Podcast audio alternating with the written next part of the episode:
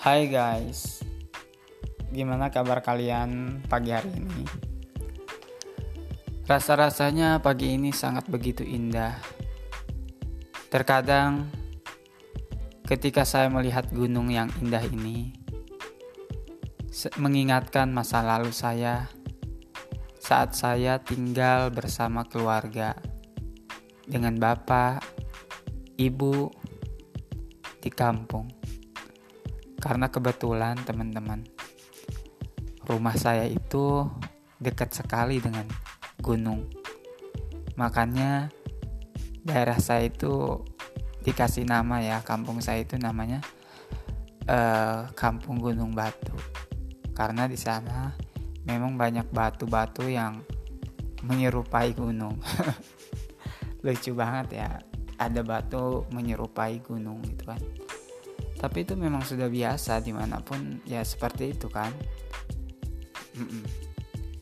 Jadi uh, itu mengingatkan masa kecil saya bersama keluarga. Masa kecil saya itu cukup sangat berbahagia sekali. Memberikan inspirasi buat saya pribadi sehingga bisa melekat sampai saya dewasa ini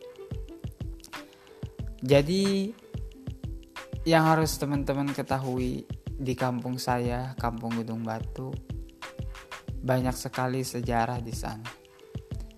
Namun, saya tidak akan membicarakan mengenai sejarah.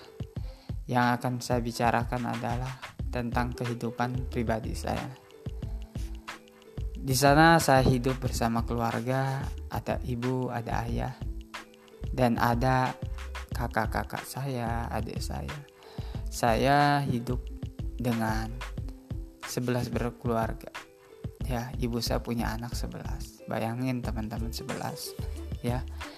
Hebat sekali orang tua saya melahirkan sebelas anak. Dan semua anak-anaknya sukses. Semua anak-anaknya disekolahkan sampai perguruan tinggi. Jadi ini sangat menginspirasi buat saya pribadi. Ibu saya selalu bilang, "Ibu menyekolahkan kamu bukan untuk supaya kamu mendapatkan pekerjaan.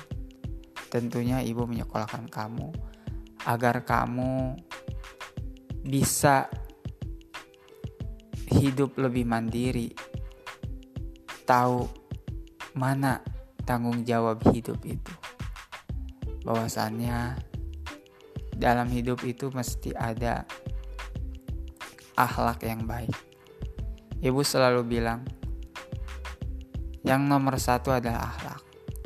Berperilakulah yang baik kepada siapa pun. Dan jangan pernah tinggalkan sholat. Itu yang ada dalam benak ibuku.